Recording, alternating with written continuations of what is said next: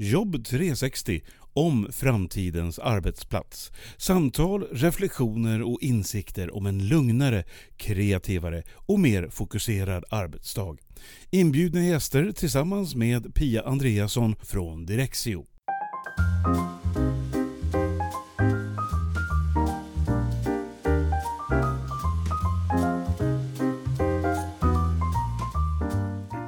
Digital stress, det är ett område som jag tycker är superviktigt. Och nu när vi jobbar mycket mera hybrid, vi ska ta oss in i olika digitala miljöer, så blir det ännu viktigare. Och det är ju inte viktigt bara om man jobbar på kontor, utan det är viktigt på alla arbetsplatser där man berörs av digitala redskap och digitala miljöer. Jag har bjudit in Magdalena Stadin och Gustav Molnar för att prata mer om det här med digital stress. Och du kan ju ta och fundera på när du lyssnar på programmet. På vilket sätt påverkas du av din digitala arbetsmiljö? Känns det som en vilsam och trygg plats eller blir du uppjagad och stressad av den ibland? Välkommen till Jobb 360!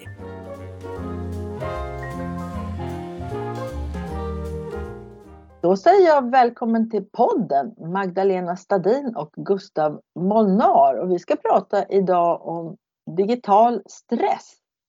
Men först tänkte jag att ni skulle få berätta lite vilka ni är och vad ni gör så kanske man förstår bättre varför just ni sitter här idag. Magdalena, vem är du och vad gör du? Jag är postdoktor i en typ av forskartjänst på Uppsala universitet och jag forskar om digital arbetsmiljö, bland annat kopplat till stress och hälsa. Jag tittar bland annat på hur, hur AI kommer påverka arbetsmiljön och robotik. Så det Mm. gör jag. Och Gustav, du har varit med i podden några gånger förut, men berätta, vad gör du? Eh, Jo, Gustav heter jag och jag är ju VD på Divo som jobbar väldigt mycket med just digital arbetsmiljö. Och sen är jag ju eh, vansinnigt intresserad av beteendeforskning och det här med ny teknik för att se hur det påverkar oss människor och framförallt då i arbetslivet. Vad kul, det låter som att ni har mycket att prata om i framtiden, Magdalena och Gustav. Absolut. Magdalena, när du har forskat om det här nu bakåt i tiden och fram till idag, vad är, vad är det du har sett? Hur ligger det till med människorna och arbetslivet och den här digitala stressen som det pratas om? Eh, Teknikutveckling går så snabbt så att även om vi vänjer oss vid någonting, till exempel hur vi ska hantera e-posten på något hygieniskt sätt så att säga, eller hur vi ska hantera eh, Zoom och Teams-möten och så vidare, så kommer det in nya tekniker hela tiden och oftast kan de implementeras ganska snabbt så att arbetsgivarna och organisationerna kanske inte riktigt hinner med att anpassa sig efter dem eller lära sig dem, att det inte finns tid helt enkelt. Säg till exempel i vården, då kanske man får en utbildning om man implementerar någonting nytt. Men i vården så den rullar ju 24-7. Så att du sätter bara in tekniken och du måste jobba med det här och sen har du patienter och så vidare. Så det kan ju vara ganska stressigt och också det här att hantera olika system som kan vara ganska komplexa. Så vet man inte, det finns bra system, det kan vara att driva utbildningen, är systemet tillräckligt anpassat till organisationen och så vidare. Jag tänker på när man implementerar nya system så här att det jag hör ifrån vårdpersonal när jag pra- pratat med några sådana och läst och så, det är ju det att de berättar om sin process i de här systemen som ju verkligen kan vara väldigt invecklad. Man undrar ju, har, har det någon som har suttit och tänkt på de här personerna eller har de inte gjort det? Och det vet väl du lite mer om Magdalena. Men just det här att när man inte riktigt har fått lära sig så blir man väldigt fokuserad på att det är jobbigt och inte funkar. För jag hör ju att jo, men de här systemen är mycket till för mig som patient, att alla läkare ska ha tillgång till all information, att man ska kunna dela den här informationen. Men det känns som att när man inte har fått svar på den frågan, why, varför är det här bra? Då blir det väldigt mycket problemfokuserat. Stämmer det? Jo, men det stämmer. Det, man ska ju tydligt, tydliggöra vad är liksom syftet med det här systemet, den här tekniken. Är det bara för att effektivisera en organisation eller finns den också till för att förbättra arbetsmiljön? Så det, det håller jag med om det perspektivet. Ultimalt sätt, så om du utvecklar system så ska ju de som utvecklar och designar, de ska ju göra det i, liksom i, i samråd med organisationen så att den verkligen blir anpassad också efter deras digitala mognad och deras digitala kunskap och så. Att bara en sån enkel sak som att rätt terminologi används och så där. Sen ett, ett bra system så ska det ju vara, det ska vara lätt att göra rätt. Ja, jag brukar tänka på det att man måste ju, när man ska lära någon något eller få någon att, så att säga, nappa på något, köpa in på något eller hur man ska använda Mm, för uttryck. Då behöver man ställa sig där den personen är och ta den med på en resa. Man kan inte ställa sig en kilometer bort och ropa. Eh, Och det känns det ibland som att när de här snabba implementeringarna sker som du berättar om att det är som att Mm. man lägger in något nytt och bra och så ställer man sig hojta kom hit nu allihopa. Det är inte säkert att alla kan ta sig dit. Nej, exakt. Och många efterfrågar ju praktisk träning. För ibland så är det kanske att de har en lathund eller att de har en utbildningsdag om det här systemet. Men de vill gärna prova praktiskt liksom. Och det kan vara lite stressigt att göra det här och nu. Och sen har man sina vanliga arbetsuppgifter, rullar ju på eh, som vanligt. Sen om man pratar om de nya, alltså artificiell intelligens och de här nyare teknikerna. Det är många kan kanske inte så mycket om det. och Det är alltid den här rädslan för det okända. Där är det viktigt att det, den, den typen av tekniken är transparent så man förstår till exempel om man har AI-stött beslutsstöd. Eh, då vill man ju förstå varför har AI kommit fram till det här beslutet eller det här målet. Förstår man inte det så blir det en stor osäkerhet. En annan aspekt är ju också så här, finns de här teknikerna till för att stödja mig i mitt arbete eller är det en konkurrent nästan att den här kan ersätta mig? Mycket är liksom hotat. Alltså, så det är också en viktig aspekt. Många ingångar i det här med digital stress alltså. Gustav, vad ser du när du är ute och pratar med företag och organisationer? Mm. Vad säger de? Jo, här, jag kan nästan backa lite grann och zooma ut för att jag delar Magdalenas bild. Alltså det som har hänt de senaste åren, man kan till och med backa de senaste tio åren, det är ju att organisationer har ju investerat i en mängd nya system. Alltså vi har varit så otroligt duktiga på att rulla in en massa nya system in i organisationer och verksamheter. Sen har det tyvärr varit ganska drivet i just ett IT-perspektiv och visst, det kanske har funnits liksom verksamhetsinkludering och så, men kontentan där vi är idag, det är att vi sitter på arbetsplatser och alltså vi tar in så otroligt mycket information från så, så otroligt många olika system och vi får notiser och det plingar i e-post. Så vi, vi överväldigas av information. Och nu finns det studier som också då visar att vi, om vi jobbar på kontor, att vi, vi växlar mellan olika applikationer upp till 10 gånger per timme. Alltså där någonstans är snittet. Och det är bara att fundera på vad gör det då till det här med att kunna hamna i flow, alltså det här flödestillståndet, att få en, en, en bra balans i det vi gör. Så där ser man att, att det är den här situationen nu, alltså de digitala verktygen och systemen som har lanserats, de har ju gjorts det av ett syfte. De finns ju där för att vi ska kunna jobba smartare och ja, effektivisera som du sa Magdalena. Problemet har ju nu varit att vi effektiviserar inte den grad som vi hoppats på för att vi sitter väldigt mycket fast i förlegade arbetssätt. Och då kan man ta in på det stressen just att nu ser vi ju att det vart ett rekordår, inte på ett bra sätt utan 2021 var ju all time high sett till stress i arbetslivet. Det är nu 44 procent enligt Gallup som upplever liksom hög stress i sin vardag. Och det är bara att kolla på andra saker. Jag vet inte om ni spanar in på, var det på SVT eller TV4 i morse när de pratade om att dessutom ser vi nu att det är så här fem gånger fler som nu tar till sömnmedel för att man upplever så mycket problem med att kunna sova. Eh, om man då jämför med hur det var 2011. Så att jag skulle säga att de här senaste tio åren har varit ganska tuffa för människan i arbetslivet. Men samtidigt väldigt mycket lärdomar och jag tror vägen framåt nu kommer ju handla om fler saker. Vi människor måste träna på hur vi ska använda tekniken till på bästa möjliga sätt och börja motivera smartare sätt. Men också behöver organisationer och alla som, som utvecklar system och plattformar förstå vikten av det här som du sa, lätt att göra rätt. Alltså vi behöver förenkla, vi behöver automatisera. Där händer det väldigt mycket saker. Jag tycker det är superintressant det ni berättar och just det här som Gustav sa, som även du sa Magdalena, att man implementerar väldigt mycket digital teknik som kan Mm. göra väldigt mycket bra saker. Men att människorna inte får lära sig att använda det här på ett bra sätt. Som du sa Magdalena, man kanske får en information eller något i den stilen och sen så är det inte mer med det och så förväntar man sig att människor själva då ska kliva in och göra det här. Jag pratade med en person igår som berättade att eh, hon hade fått den mycket raka frågan från HR. Kan du göra en lista på allt du inte kan så ska vi se till att du får lära dig det. Hon, hon bara skrattade. Och, är det helt omöjligt? Ja, det är det ju faktiskt. Du kan inte göra en lista på det du inte kan. Men det hör jag väldigt ofta när jag är ute och pratar med, med organisationer och beslutsfattare. Att ja, men vi har, vi har en möjlighet att om det är någonting man undrar över så finns det en person att fråga. Mm. Men då måste man ju först börja undra över något och sen måste man veta vad det är man undrar över. Jag hade ju Leif Denti med i podden här. Han är också forskare, forskare inom Mm. innovation och så. Och han gjorde mig uppmärksam på en sak som var väldigt, väldigt självklar. Alltså när han sa det så tänkte jag, men såklart att det är så. Men han sa det att ska du kunna vara innovativ så måste du ha kunskap först.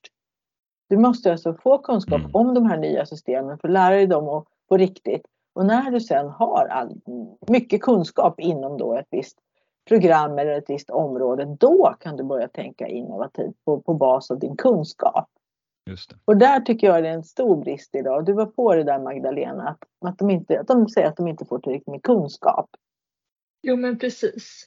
En annan aspekt som jag kommer att tänka på det är också att ibland så kan man ju vara ska säga, exponerad för en teknik som kan stressa till exempel. Jag tänker på personer som kör budbilar till exempel, då kan man ju oftast följa via GPS och så här nu är de där och nu är det tio minuter och så. Det kan ju bli ganska stressat att vara så övervakad så det är ju en annan aspekt från man ska säga någon sorts digital stress och så. Det här mm. med övervakning och hur, vad kan arbetsgivaren ha för koll på sin arbetstagare via olika GPSer och så.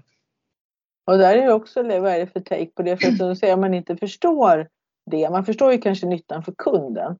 Det är Exakt. bra att kunden får veta det och så vidare. Och det tycker jag också är fantastiskt att få veta när mm. kommer de ringa på dörren och så. Det känns ju som en service från de företagen. Mm. Men, eh, jag hade ju en, en, dialog med mina tonåringar för ganska länge sedan. De ville, när de inte ville berätta vilka de skulle vara med och vart de skulle. Och då sa jag till dem, okej okay, jag förstår att du vill liksom vara lite diskret här och så vidare men om det skulle hända dig något, hur snabbt vill du bli hittad?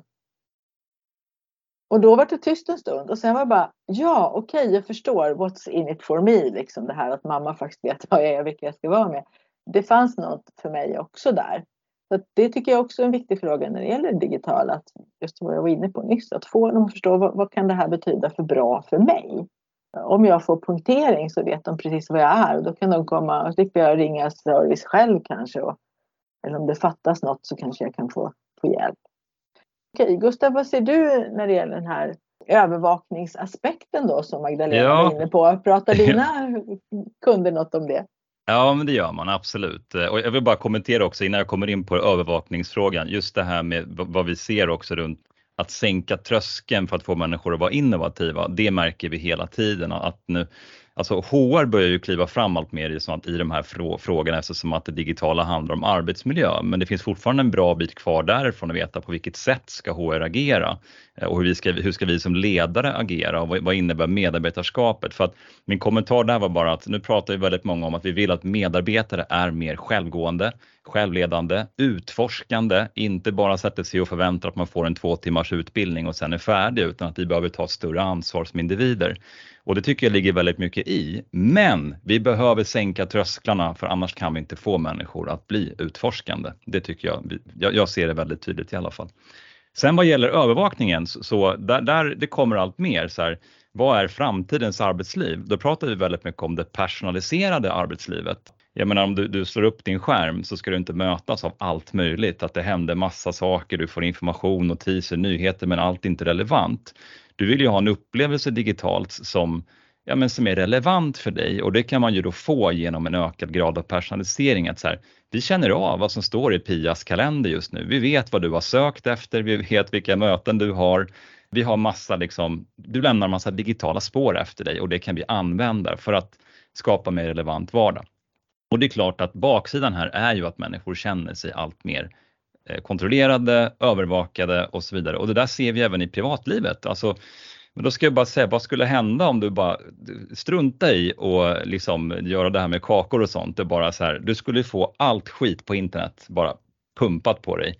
Eh, så att det finns ganska mycket bra saker med hela den här, ska jag säga, cookies och att vi, vi skapar mer liksom relevant, att vi får riktade alltifrån erbjudanden och sånt. Så att det finns mer liksom en anpassning för att vi ska kunna hjälpa just dig. Men det är en debatt som behöver fortlöpa. Jag tror att den också är ganska bra så att den inte går till överdrift. För att jag tror att allting som är bra för människan kan också gå till överdrift. Så att det gäller att hitta den balansen och den transparensen också. Ja, men jag håller mm. med och jag skulle bara vilja kommentera därför att risken också när vi får de här riktade det är att vi hamnar i någon sorts filterbubbla och att Just. man exponerar bara sånt som man också håller med om. Och då blir mm. att man, det tenderar kan ju, risken är att folk blir lite mer trångsynta för att mm. ja, jag ser bara sånt som jag redan håller med om. Att jag utmanas inte lika mycket med andra perspektiv och så. Men jag håller med din poäng och jag ville bara lägga till det. Filterbubblan är faktiskt, den ska ja. man absolut inte glömma bort och därför tror jag att det är viktigt att allt kan heller inte vara just personalisering utan det finns någonstans tre nivåer om hur vi på en arbetsplats tar in information. Jag skulle säga att den första är just nivåerna, vad behöver alla som jobbar här faktiskt ta del av? Vad är viktigt för oss? Och det andra är just att i de teamen och grupperna som vi jobbar med, oavsett olikheter och allting, att där finns en transparens mellan vad som pågår och hur vi som team kan jobba smartare. Men sen mm. har man det här individuella perspektivet som blir jätteviktigt, att den är så pass liksom relevant så att man inte får onödiga notiser, avbryts i onödan. För vi vet hur lång tid det tar att ställa om och så vidare. Men mm, mm. Eh, jag håller helt med om det här med filterbubblan och framförallt skulle jag säga i privata sammanhang att den är, ju, den är på sätt och vis ganska farlig om du börjar förstärka mina tankar med bara likasinnade. Och det här med filterbubblan, jag tänkte på Gustav, på arbetsplatser, jag tänker att när man är ute privat då, då kan man ju hamna i, i tokiga filterbubblor och så och bara få bekräftelse på det man själv tycker. Men på arbetsplatser har väl ändå arbetsgivaren lite större möjlighet att styra då om man bygger upp ett sånt här internt mm. nätverk och styra nyhetsflödet så att de lite större sakerna går ut till fler och de lite mera nördiga sakerna går ut till bara de som man behöver och så. Hur ser det ut med det användandet? Försöker man skapa positiva filterbubblor ute på arbetsplatserna? Man pratar inte lika mycket just om filterbubblan där, men man pratar väldigt mycket om så här, hur kan vi stötta individer att göra det de är anställda för bättre genom att förse dem med relevant information, relevanta verktyg så att det, det händer ganska mycket där på olika nivåer skulle jag säga. Det första är ju att försöka skapa de här upplevelserna med hjälp av, och så, det är framförallt molnplattformar som, som kan lyckas med det här, det vill säga att du lyfter fram var är mina senaste dokument oavsett vart de ligger eller var är mina ej slutförda uppgifter? Vad, vad borde vara relevant för just mig? med det som eh, plattformsleverantörerna som Microsoft och Google de här kallar även för, för AI i, till viss mån. Det vill säga att vi börjar lista ut vad som är relevant och det är också ganska förvaltningsvänligt sätt. Men sen finns det ju andra aspekter av det som jag skulle säga mycket kommer ner på individnivå. För just nu så är det ganska många som, som tycker att vi går från e-post, vi går från filservrar till modernare verktyg att arbeta på.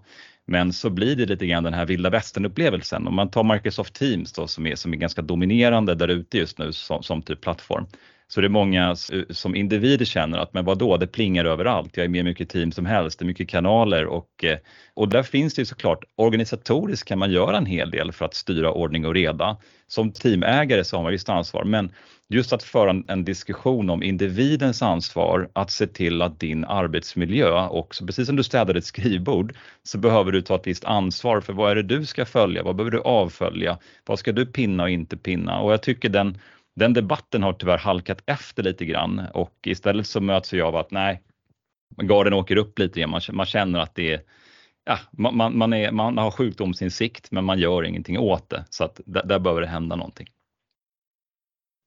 Ja, som du säger Gustav, det här med det egna personliga ansvaret och då jag som är ute i mm. verkligheten väldigt mycket och utbildar enskilda medarbetare då märker jag att de kan ju inte stänga av sina aviseringar ens på mejlen för det är ingen som har visat dem det. Och tanken då att man kan stänga av andra aviseringar och styra upp det här, den är ganska främmande. Det är återigen den här kunskapsbristen. Och eh, Magdalena, jag tänkte vad, vad behöver arbetsgivarna göra nu då? Vad behöver de tänka på? Det räcker inte med de här två timmarnas genomgång för att man ska förstå. Vad är din tanke? Alltså jag tänker att man, man, måste börja redan egentligen på utbildningsnivå med de som är systemutvecklarna. Att de måste tänka hur, hur utvecklar vi system som har också ett arbetsmiljötänk. Liksom. Eh, och sen också som jag också, nu har jag kanske upprepat mig, men att man eh, anpassar efter organisationen direkt. Att den här organisationen behöver det här systemet och jobba med dem så att de, det ska passa dem. Och i vissa typer av yrken så är det så att de har utbildat sig eller jobbar med det yrket av andra skäl än att de är intresserade av det digitala. Det digitala är bara något som flyter för att, för att deras arbete ska rulla. Är man läkare så tänk, kanske man inte tänker sig att man ska sitta vid datorn 50 procent av sin tid exempelvis. Det är inte därför man eh, liksom brinner för läkaryrket kanske. Det, Intressant det där du säger om systemutvecklarna för att det är alltså systemutvecklarna som skulle ha sett till så de här aviseringarna inte är påslagna från början utan att man istället får veta att vill du ha aviseringar så kan du få det. Men det är ingenting som ligger hela tiden för att systemet som är nu som jag ser det i alla fall, där är ju det från början med alla de här eh, inflödena så att säga. Där har väl också organisationen ett ansvar att utbilda så. Det kan ju också vara personer, de tänker inte ens tanken att det här är något man kan stänga av, det här är något man kan, alltså det, är ju, så det ligger ju ändå på organisationen att upplysa om sådana här saker.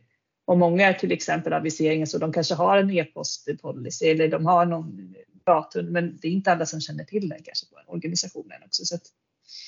Jag tror ju som Gustav säger att det är de här aviseringarna som kan bli väldigt jobbiga. Man blir liksom motståndare till det för att man upplever det som besvärligt. Och man har inte fått se hur kan jag individanpassa det här då. då? Gustav, vad tänker du då, arbetsgivarna? Hur ska de kunna mm. förstå att det här behöver de sätta av både tid och pengar från medarbetarnas ja. sida och i budgeten och så för att det här ska bli bra? Och inte att människor ska luta sig tillbaka och säga nej tack, inte för mig. Just det. Jag har tänkt jättemycket på den här frågan sen jag fick just din request om att vara med i det här samtalet med Magdalena också. Och jag har landat i att det finns fem saker som jag tycker är de här fem borde man som organisation faktiskt ta tag i för att någonstans är ju digital stress ett symptom på någonting. Alltså det är ett resultat av någonting som vi behöver ta tag i.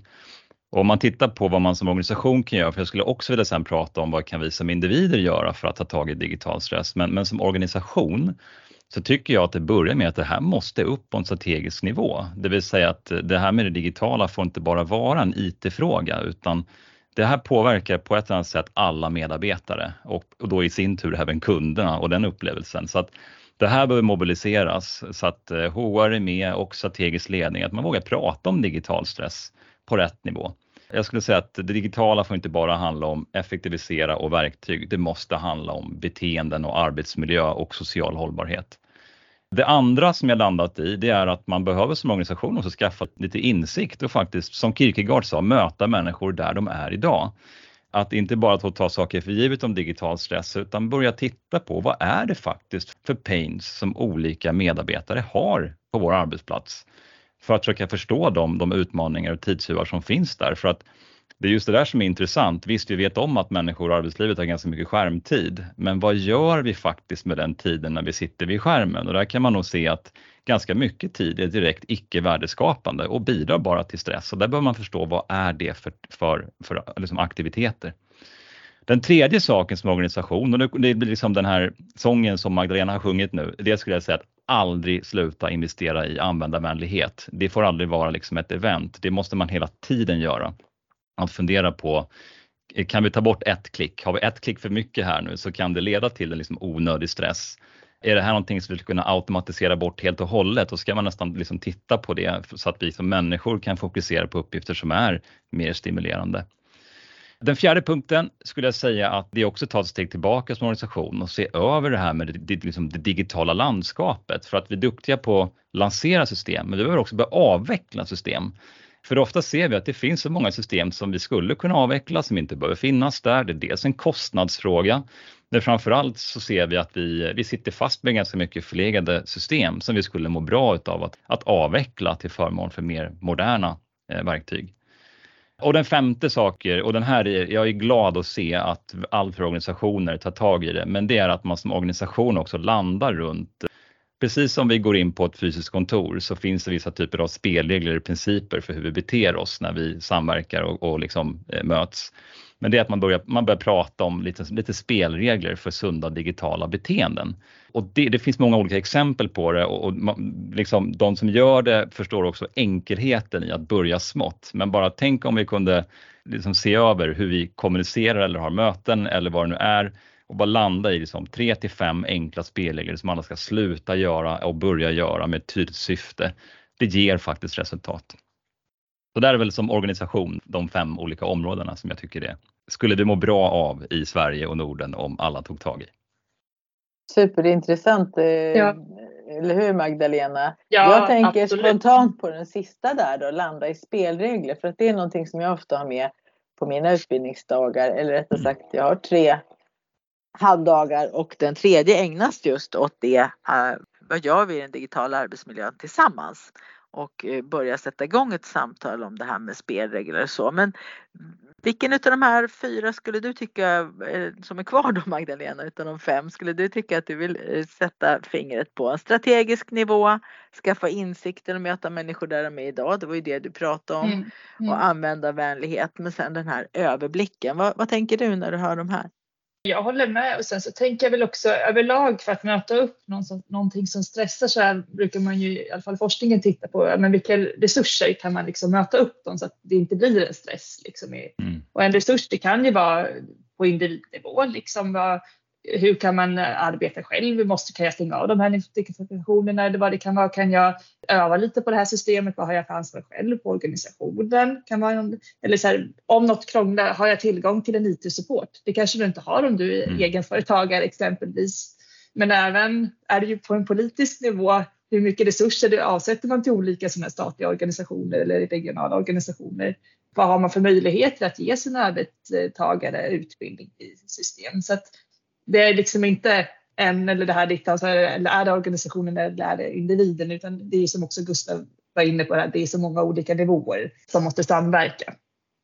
Ja, då skickar jag vidare till Gustav igen då. Om mm. du bara fick välja två av de här fem som du sa, vilka två skulle du hugga på då? Eller vilka två skulle du tycka de ska börja med? På Ja, men då, då, tycker jag nog ändå att det är att börja med mobiliseringen så att man tycker att det här är en strategiskt viktig fråga. Sen vill jag då säga att för att det ska bli en strategiskt viktig fråga så behövs oftast eh, ett gemensamt sense of urgency eller någon typ av liksom ammunition. Så då tror jag att det också skaffar sjukdomsinsikt. Så jag skulle säga att spring inte för snabbt på alla lösningar och liksom alla hur, utan kan man strategiskt skaffa gemensam sjukdomsinsikt och mobilisera det här som en strategisk fråga där HR och IT eh, och ledning jobbar väldigt tajt ihop med att eh, skapa en väldigt, väldigt bra medarbetarupplevelse digitalt som fysiskt. Så de två skulle jag säga. Ja, det där är ju en gammal dröm som vi har haft länge, eller hur Gustav? Att HR, IT och ledning ska samarbeta. Jag brukar ofta mm. säga att besluten just inom mitt område, de ligger och svävar där i någon slags kraftfält. Men sen ser jag också det som du säger Gustav, att HR börjar nu faktiskt få upp ögonen för att den digitala arbetsmiljön är en del av den totala arbetsmiljön. Någonting ja. som jag faktiskt har tänkt att de inte alls har varit på förut. Och HR brukar ofta vara den minst digitala delen i en organisation också. Och brukar bli väldigt så stressade när jag ringer och säger att jag jobbar med det. För då vill de genast peka på IT eller på cheferna. Mm. Eh, med vissa briljanta undantag måste ju sägas då. Magdalena, vad ser du att de här beslutsfrågorna, vad har, vad har, du för kraftfält som de ligger och svävar i som du har sett? Alltså ytterst är det ju chefernas ansvar. Problemet som jag har sett i min forskning, som är i min avhandling, det är ju att ibland så är det ju cheferna som är då mest stressade av sin digitala arbetsmiljö, mm. vilket blir väldigt eh, paradoxalt i detta sammanhang.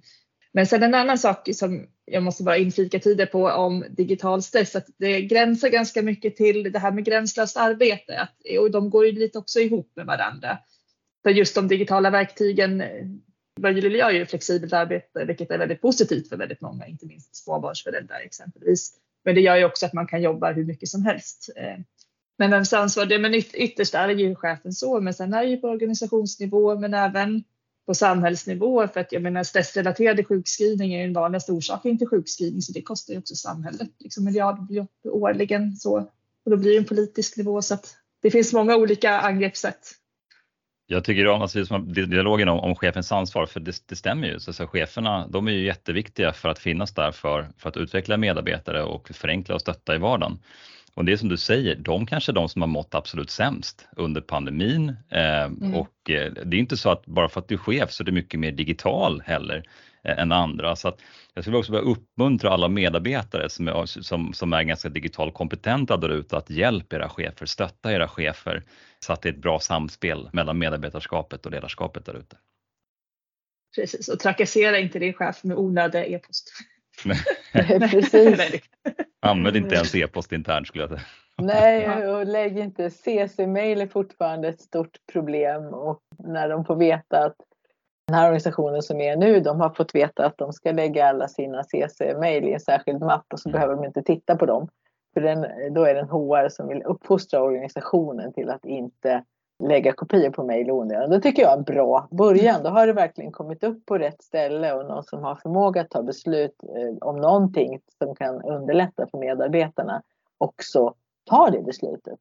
När jag utbildar så vill jag att vara en medarbetare ska skapa den här tryggheten i sitt eget liv. Då med hjälp av de här digitala redskapen som man har och kanske ibland också det som jag lär ut kan hjälpa dem hantera något lite äldre system som du var inne på Gustav, om du sitter fast i något äldre system som inte har de förmågor som moderna system har så kan man ju faktiskt stötta upp det då med hjälp av, av de moderna systemen och skapa påminnelser kanske till sig själv eller mm. Eh, lägga en, en, en uppdaterad uppgift om rutiner som man behöver göra då för att det här gamla systemet ska funka. Det finns ju trots allt människor som, som jobbar med veteranbilar och andra sådana här saker och, och, och, tycker att det, det funkar liksom för att man har hittat ett sätt att, att hantera de här gamla maskinerna och motorerna.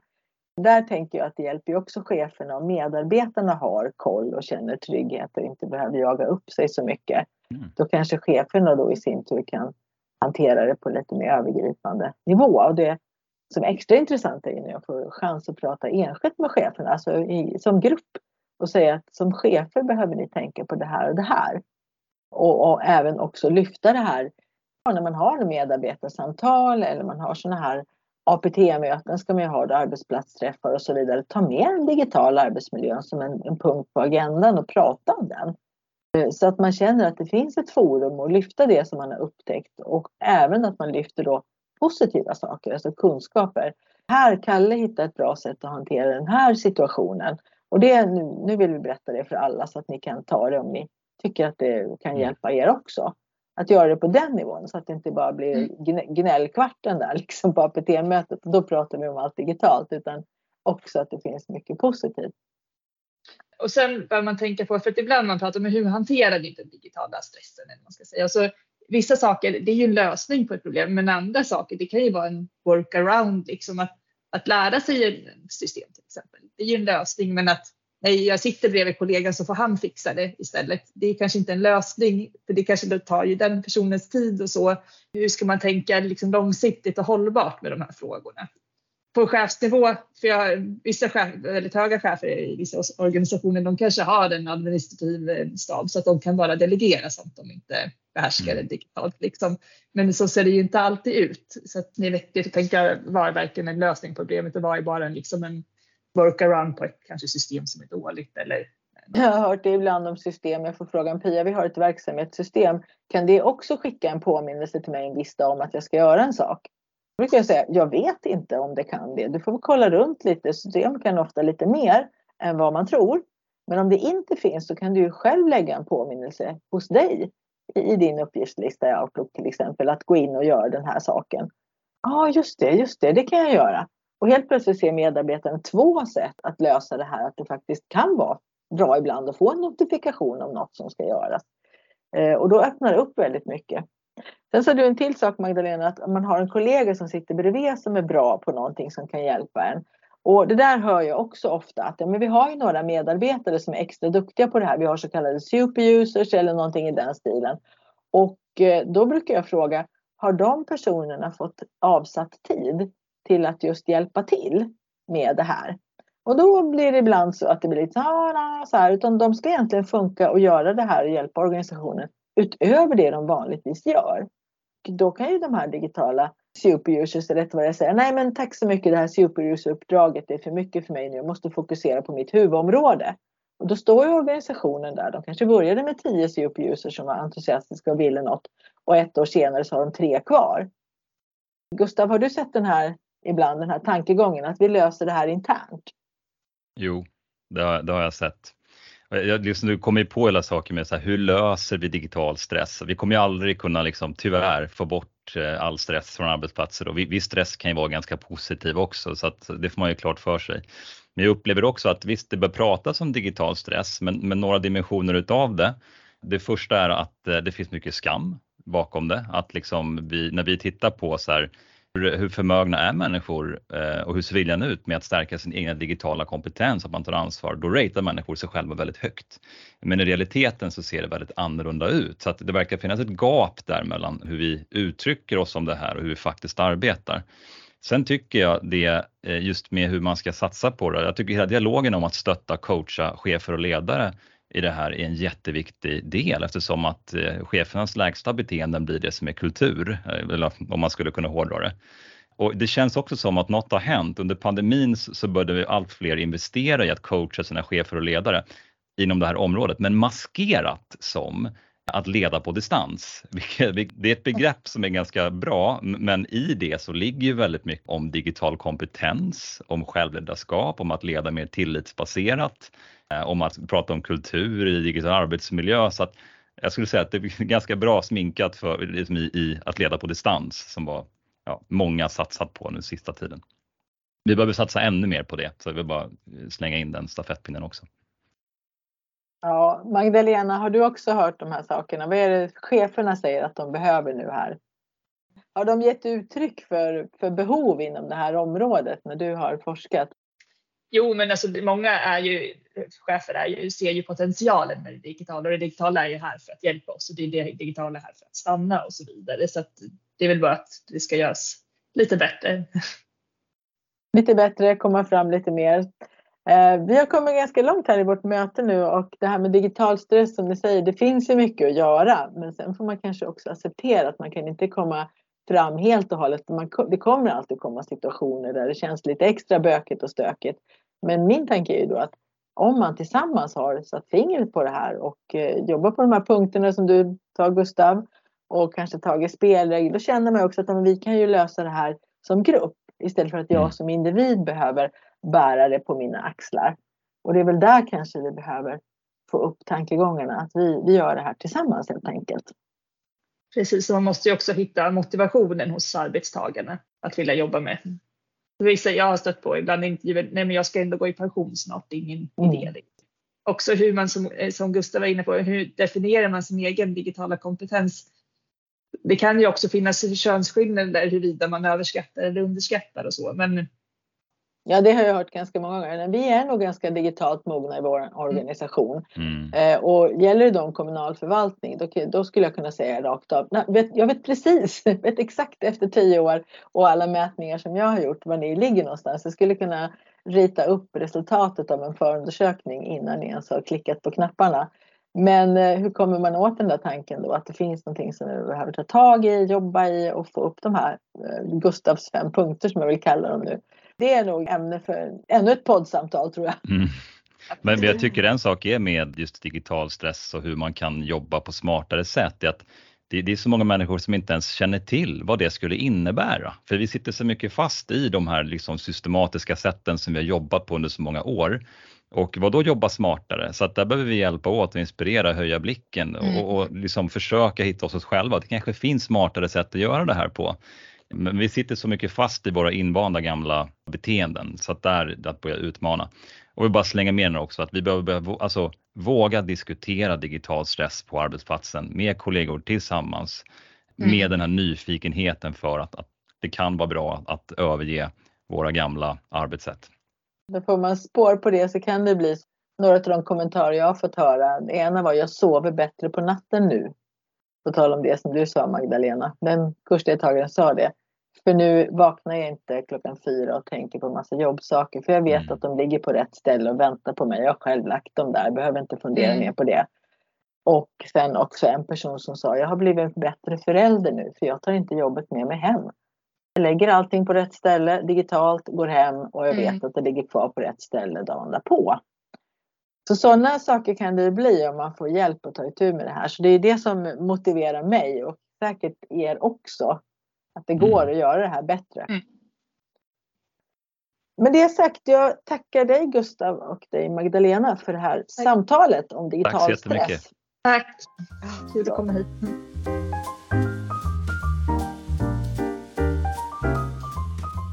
Jag tar med mig framför allt två saker från det här samtalet. Och det ena är att det här med digital stress och även digital arbetsmiljö måste upp på den strategiska nivån i organisationen.